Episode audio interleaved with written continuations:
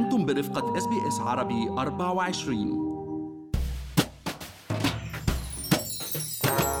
أسعار الفوائد مستمرة بالارتفاع وآخرها كان هذا الأسبوع لما وصلت نسبة الفايدة ل 3.1% وممكن تكون هاي الارتفاعات أخبار مش منيحة لكل اللي عنده دين مع المصارف ولكن ماذا عن الحسابات التوفيرية؟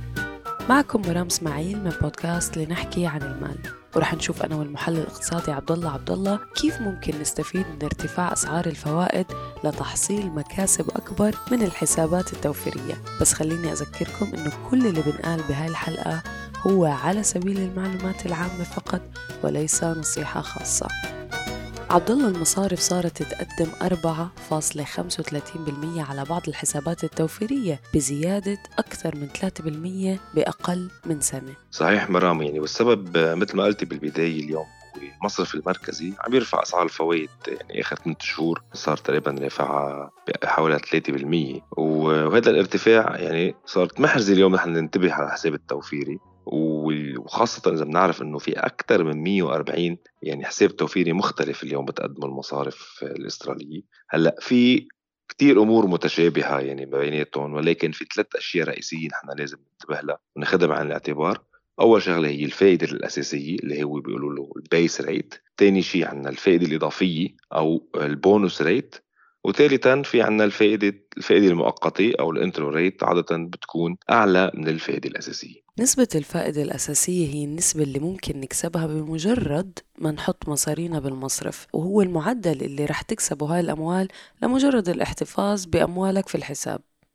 والبنوك مرام اليوم عندهم على بعض الحسابات معدل فائدة إضافي مثل ما كنا عم نقول هو ال bonus يعني أو معدل المكافأة للمودعين يلي بيكون عندهم يعني بيستوفوا بعض الشروط.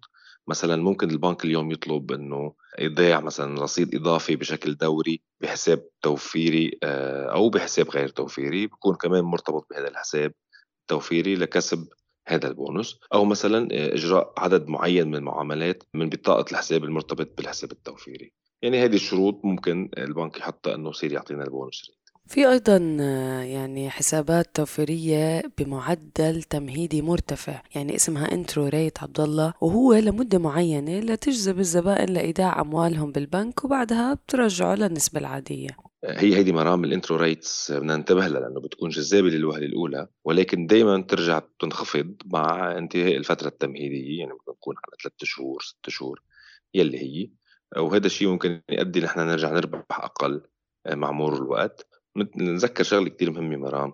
إنه نحن المودع نحن اليوم الكاستمر عند المصرف يعني نحن زبون والمصارف تتنافس بين بعضها على اجتذاب المودعين بشكل أكثر من نحن بنتصوره يعني. لهيك نحن ما نهمل هذا الجانب من الموضوع ووقت نكون عم نبرم على آه، أي مصرف أو أي آه، منتج عند المصرف من الحسابات التوفيرية. وبالإضافة لنسبة الفائدة في كمان two factors بيساهموا باحتساب الأرباح من حسابات التوفير. أول واحد هو المبلغ الأساسي المبلغ اللي إحنا حاطينه بال saving ويلي بيزداد مع الإيداعات المنتظمة للفائدة. وال factor الثاني عبد الله هو الوقت أي المدة يلي يتم احتساب فيها الفوائد وإضافتها للمبالغ الأساسية.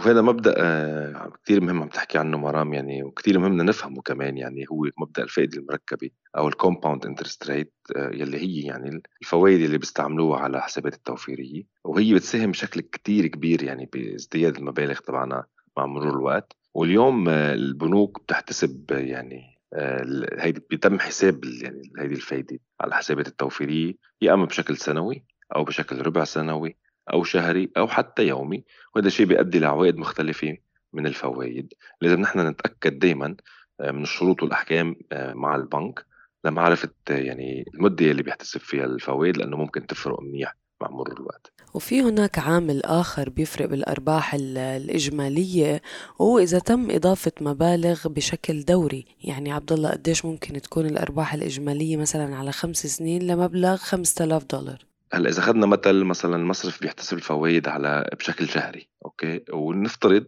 آه، يعني معدل فايدة اليوم 3% إذا نحن مبلشين من 5000 دولار مرام ممكن نحن على خمس سنين على 3% إذا ما ضفنا ولا مبلغ إضافي آه، يعملنا حوالي 800 دولار.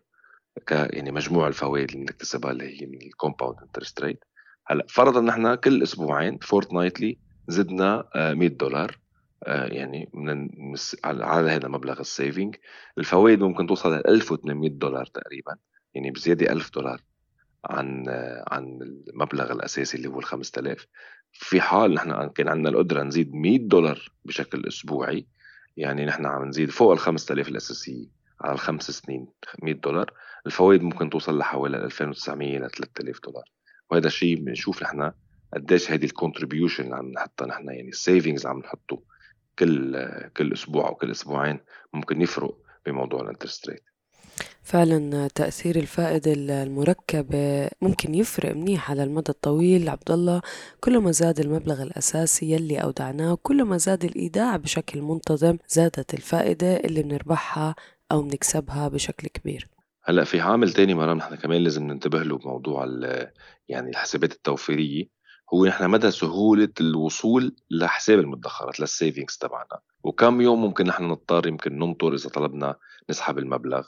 وهل يا ترى آه، ممكن نحن متاح تحويل هذا المبلغ عبر التطبيق الذكي أو نحن لازم نروح نزور المصرف؟ هذا كتير أمر ضروري نحن نعرفه عن ال savings account خاصة إذا كانت عندنا حالات ضرورية أو حالات emergency وهون بالإمكان فتح حسابين يعني واحد ممكن يكون للضرورات ممكن نوصل له يعني بأي طريقة أو بطريقة سريعة حتى لو كانت فوائده قليلة وواحد للتوفير لحاله على جنب. يعني مرام بالآخر نحن مع ارتفاع أسعار الفوائد يعني صار تقريبا الحساب التوفيري آه، أو رجع يصير نوع من أنواع الاستثمار أكيد يعني صار في مردود غير السنوات اللي مرقنا فيها قبل. ولو إنه على المدى الطويل يعني استثمارات تانية مثل الممتلكات أو الأسهم يمكن تجيب لنا مردود أعلى.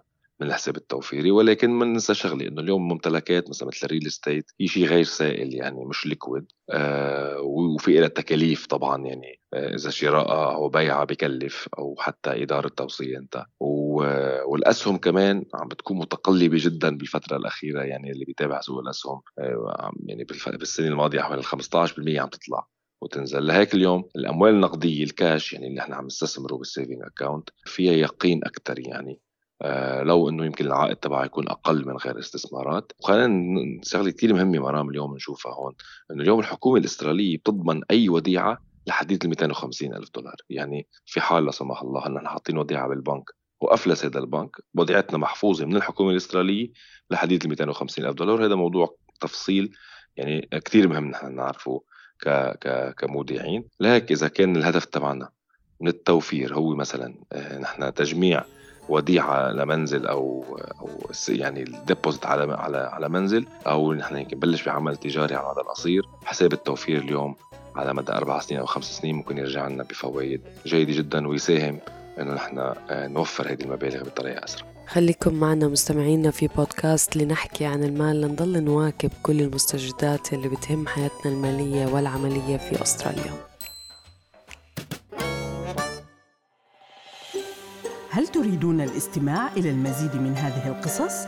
استمعوا من خلال أبل بودكاست، جوجل بودكاست، سبوتيفاي أو من أينما تحصلون على البودكاست